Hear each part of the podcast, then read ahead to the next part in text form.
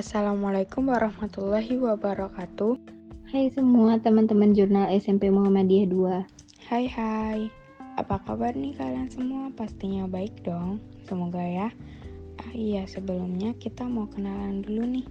Pasti pada belum tahu kita kan? Kenalin, nama aku Rani Ayu Dewanti atau bisa dipanggil Rani. Kalau aku Chelsea Gadidia Taya Miranti. Kalian bisa panggil aku Chelsea. Di podcast jurnal kali ini pembahasan kita itu tentang 17 Agustusan.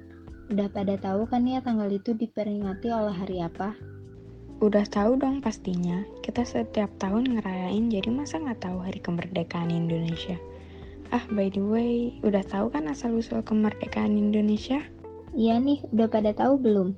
Tenang aja kalau belum pada tahu, karena di podcast kali ini kita bakalan ngebahas lebih jauh tentang hari kemerdekaan Indonesia. Iya kan, Ran? Ya betul, betul banget. Pertama-tama udah pada tahu belum peristiwa Rengas Dengklok?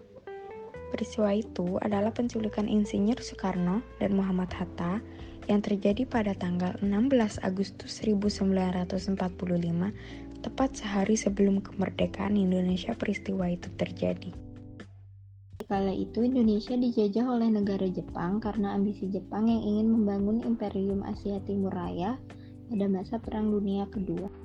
Dari peristiwa tersebut, Jepang mengalami kekalahan yang ternyata memberikan dampak besar pada Indonesia. Sejak saat itu, ketegangan pun mulai muncul antara golongan tua dan golongan muda.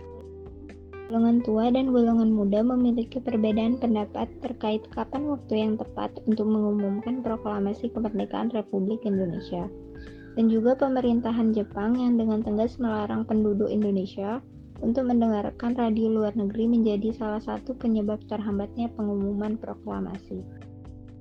Namun, berkat keuletan para pemuda Indonesia, terutama yang bekerja di kantor berita Jepang, berita menyerahnya Jepang tanpa syarat ke sekutu pun sampai di Indonesia. Sultan Syahrir yang mendengar berita kekalahan Jepang melalui radio gelap pun lantas mendesak Soekarno dan Hatta untuk segera melakukan proklamasi kemerdekaan Indonesia. Sayangnya, Soekarno-Hatta menginginkan agar proklamasi dilakukan melalui PPKI, Badan Buatan Jepang. Merasa tidak puas dengan jawaban tersebut, para golongan muda pun lantas menculik Soekarno-Hatta ke Rengas Dengklok untuk menjauhkan mereka dari pengaruh Jepang.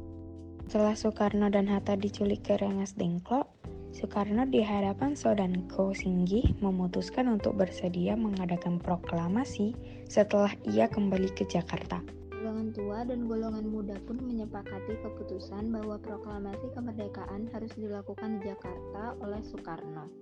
Esok harinya, Ahmad Subarjo rela menaruhkan nyawanya dengan menjemput Soekarno dan Hatta untuk kembali ke Jakarta dan menjamin proklamasi kemerdekaan terselenggarakan.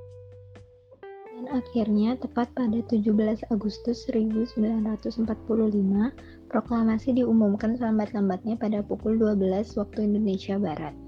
Dan hari itulah yang biasanya diperingati oleh Hari Kemerdekaan Republik Indonesia. Bisa bayangin gak sih sehebat apa perjuangan mereka? Sampai-sampai Indonesia udah di titik seperti sekarang ini. Gak bisa bayangin Ran, semoga Indonesia semakin jaya ya dan juga pulih dari penyakit agar kita semua bisa beraktivitas kembali seperti semula. Amin. Amin. By the way, 17 Agustusan ngapain aja nih Ran? Hmm, gak tau sih Cel mau ngapain, bingung. Berharap banget sih sekolah ngadain lomba di Renon kayak waktu itu. Tapi gak mungkin banget Cel, lagi pandemi soalnya. Kalau kamu mau ngapain nih Agustusan? Ah iya juga kalau aku sih mungkin kayak 17 Agustusan tahun lalu. Jadi aku ikut acara kecil-kecilan gitu di dekat rumahku dan pastinya mengikuti protokol kesehatan. Oh gitu. Kangen gak sih bebas kayak dulu? Kangen banget. Ya kita banyak-banyak berdoa aja lah Cel. Biar bisa bebas kayak dulu. Siap Ran. Ah iya nggak terasa ya berakhir sudah podcast kita kali ini. Semoga kalian bisa mendapat pelajaran dari semua informasi yang kalian dapat di podcast. Dan juga jangan pernah lupa tentang perjuangan pahlawan-pahlawan Indonesia tetap dikenang terus sampai nanti-nanti ya. Yap, betul. Anyway, stay safe and stay healthy ya.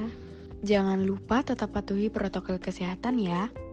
Sampai jumpa semuanya. Bye, see you on our next podcast ya.